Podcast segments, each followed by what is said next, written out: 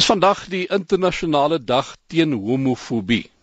Nou homofobie se definisie loop redelik wyd, maar dit kom neer op 'n 'n wye reeks negatiewe houdings en gevoelens teenoor homoseksualiteit of mense wat homoseksueel is of so verdink word.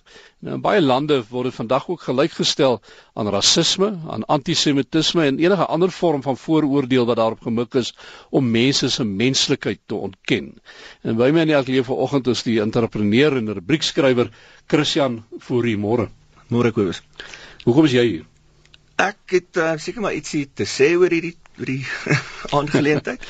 wat wat is jou ervaring van homofobie? Is dit daai beskrywing wat ek nou daar vat hom redelik wyd, jy weet dit uh, dit vertel nie eintlik mooi hoe kwetsend en en uh, moeilik die situasie kan wees nie. Weet jy, hoe ouer 'n mens word, hoe minder bang is jy. En ehm um, ek glo ek sou nie 15 jaar gelede hierdie gesprek op radio gehad het nie. Maar ehm um, Ek is nou reg daarvoor. Ek dink ek het iets om te sê. Daar's 'n verskil tussen die woord moffie en queer. Ek ek weet almal praat van 'n koffie moffie. Dis 'n stereotipe, dis snaaks as jy kyk na Modern Family. Maar dan is daar daar daai queer woord, daai daai lelikheid, daai haat. En jy weet ek is nie vandag hierso om eintlik die groot mense te verdedig nie. Ek is meer bekommerd oor die kinders, oor hmm. jong mense wat nog hulle self vind en al daai dinge en dan deur die lewe moet gaan en daar word geniepsig teen hulle gediskrimineer. Daai kinders, uh, kom ons kyk 'n bietjie na hulle want uh, ek meen mense seksuele seksuele of seksualiteit en jou seksuele gevoelens begin op 'n betreklike jong ouderdom en daar is uh, gay mense met wie ek al gepraat het en gesê maar ek ek was nog klein toe ek al geweet ek is gay. Ehm um, kyk jy word tweeslagtig ge, gemaak. Ek bedoel die baba of die fetus is tot op 'n mm. sekere tyd so. Ehm um, daar's hormone en al daai goed, maar weet jy ek moet vir jou sê dit gaan vir my oor oor oor daai konkoksie emosie wat 'n tiener het. Jy weet gay tieners het 3 keer groter kans om selfmoord te pleeg. Dis mm. statistiek. En nou word daar nog in die skole deur die skoolboelies teenoor hulle gediskrimineer. Ek bedoel ek is aan 'n vlagpaal vasgebind toe ek 16 jaar oud was. Daar's 20 eiers op my kop gebreek en almal is uitgedaag en haal my af. Ek het vrede gemaak met daai goed, maar weet jy op daai stadium was ek in 'n baie moeilike situasie. Ek was in 'n in 'n semi-verhouding met 'n onderhoof gewees wat uiteindelik 10 jaar tronkstraf gekry het. Ek weet nie hoe lank hy gesit het nie. En jy weet daar was in die skool alleen seker 30 ouens betrokke hierby. Ehm um, hoe dit hulle laat voel? Want dinge het begin uitlek oor die hele storie, mense het begin vermoed en terwyl ek eintlik hulp nodig gehad het, het ek nie liefde gekry nie, maar haat. En dit gaan nou nog aan. Ek um, ek sien dit, ek sien dit elke dag. Wat is dit wat daardie haat skep, hierdie homofobie dan? Ek meen waaroor ons vandag praat. Is dit is dit vrees? Is dit uh, vrees van die onbekende? Wat is dit? Ja, ek moet vir jou sê in Suid-Afrika is die kans baie goed dat as jy rasis is dat jy ook 'n homofoob gewees. So ehm um, en hulle is al buite. Ehm um, as jy nou kyk net wat in Amerika gebeur het toe die president gesê het hy's hy's vir gay huwelike. Nou ek het nie 'n opinie oor 'n gay huwelik nie, maar ek sê jy moenie net onmiddellik op jou perdjie spring nie. Toe die oppositiepartye nou begin begin praat daaroor. Nou uh, daar's 'n bekende talkshow host Rush Limbaugh hy het hmm. um, toe nou gesê ja dit is duidelik dat die president van Amerika nou 'n oorlog teen die moderne ag teen die tradisionele huwelik begin het. En toe lees ek op die internet so 'n plakkaat wat sê sy eerste, tweede, derde en vierde vrouens kon nie vir kommentaar opgespoor word. Hmm. Nou ek bedoel practice what you preach. Hmm. Jy weet dis die dis die ding, maar dit is die vrees vir die onbekende. Dit is oningeligtheid. En iets wat my nie baie gewild maak by die algemene gay persoon in Suid-Afrika nie, is ek het ook 'n probleem met hulle. Jy weet jy kan nie op 'n pink vlot rondparadeer eenmal 'n jaar en absoluut patsy en dit is nou wat mense sien en dan verwag dit mense nie van jou snaaks gaan dink nie. Jy kan nie 'n sedelose verhouding hê met elke tweede persoon en dink dat mense nie gaan kritiseer nie. En dit is dis hmm. ongelukkig die bagasie wat mense nou moet kry.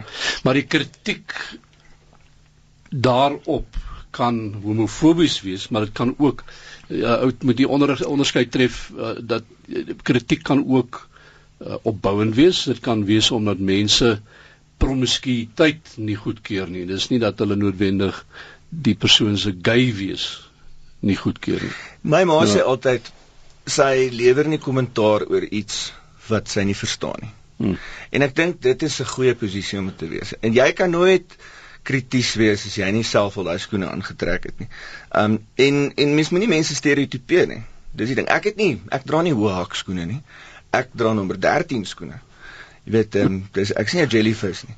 Maar um maar ek dink ons moet gaan sit en die ding bespreek.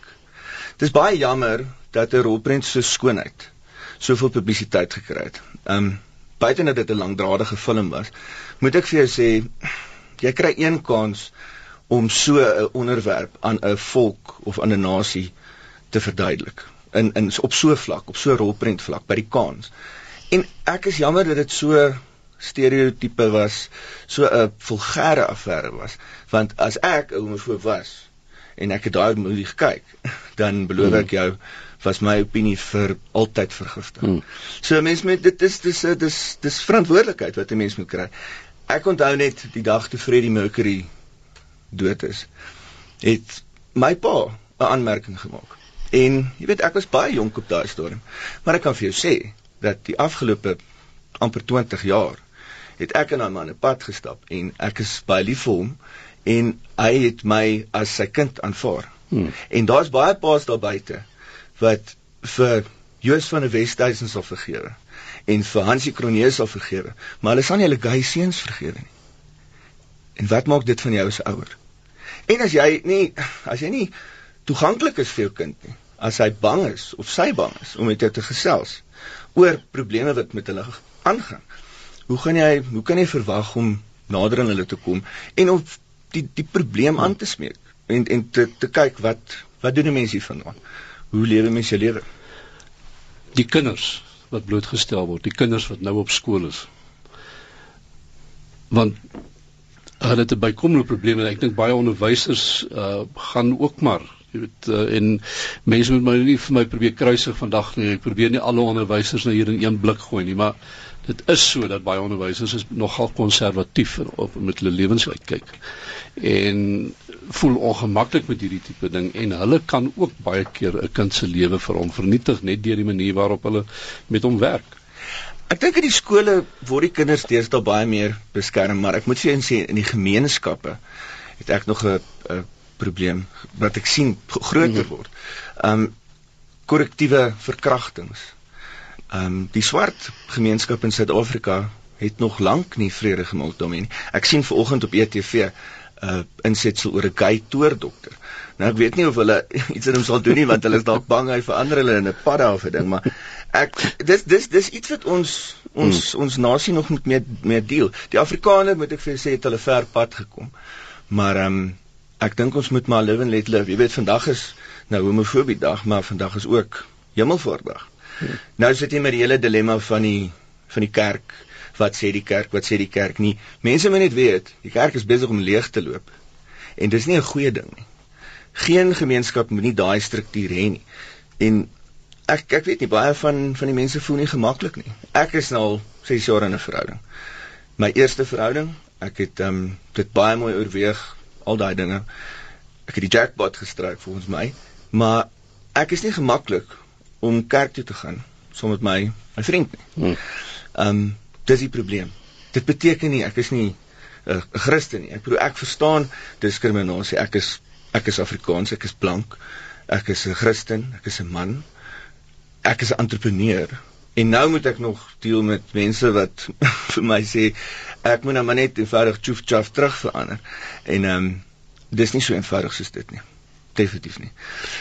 Maar jy maar jy sê vir my dat veral in die Afrikaanse gemeenskap ervaar jy dat daar in 'n groot mate al daar was al verandering, daar dat al verbetering ingetree. Of is dit nie dalk dat ons ons is geneig om in 'n redelike nou kring te beweeg en dat miskien in ons kringe uh om ons is daar is mense geneig om dieselfde te dink en dieselfde op te tree. Weet jy, ek dink ons is baie bewus van die kameelperd in die kamer. Um en ek dink oor dat Afrikaners al vir baie lank bietjie gehef word deur dat daar teen ons taal gediskrimineer word.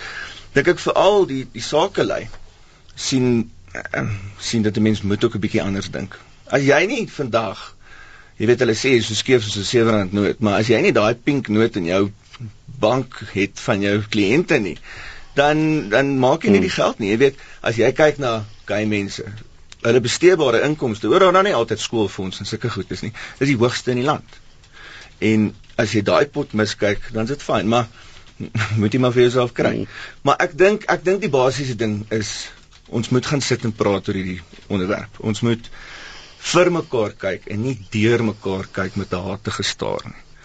Ehm um, dis regtig nie so erg nie. Mm. Ons lewe in die 21ste eeu. Vrouens het in 1971 eers stemreg gekry in Switserland. Bro, dis daai selfe verandering en mans het net geglo mm. hulle mag nie. Ek sê nie ek is vir 'n sedelose bestaan nie. Regtig. Ek is baie baie baie ernstig daaroor. Maar ehm um, ja, jy moet ehm um, jy moet mense laat laat lewe, 'n ding doen. Ek het nou 'n klompie SMS'e hier gekry vanoggend. Ek gaan dit nie voorlees nie. Ehm um, ek wil eintlik net vir uh, die mense sê dat uh, nou nadat jy na Christian geluister het, miskien moet jy weer gaan dink, miskien moet jy gaan praat met mense, miskien moet jy 'n bietjie uitreik na ouens toe en bietjie agterkom hoe hulle ook dink en voel eerder as wat 'n mens sleg sê en kritiseer. Ek het nog net een ding wat ek wil sê. Hoe weet jy as daar gay inbrekers by jou ingebreek het? die meubels is gerangskik. Daar's 'n yskoue bottel witwyn in die yskas en ons 'n kies in die oond. Dis Christian Fourie wat met ons gepraat het vanoggend en uh, ek hoop ek kry sulke inbrekers as ek dan nou regtig nou uh, by my ingebreek moet word.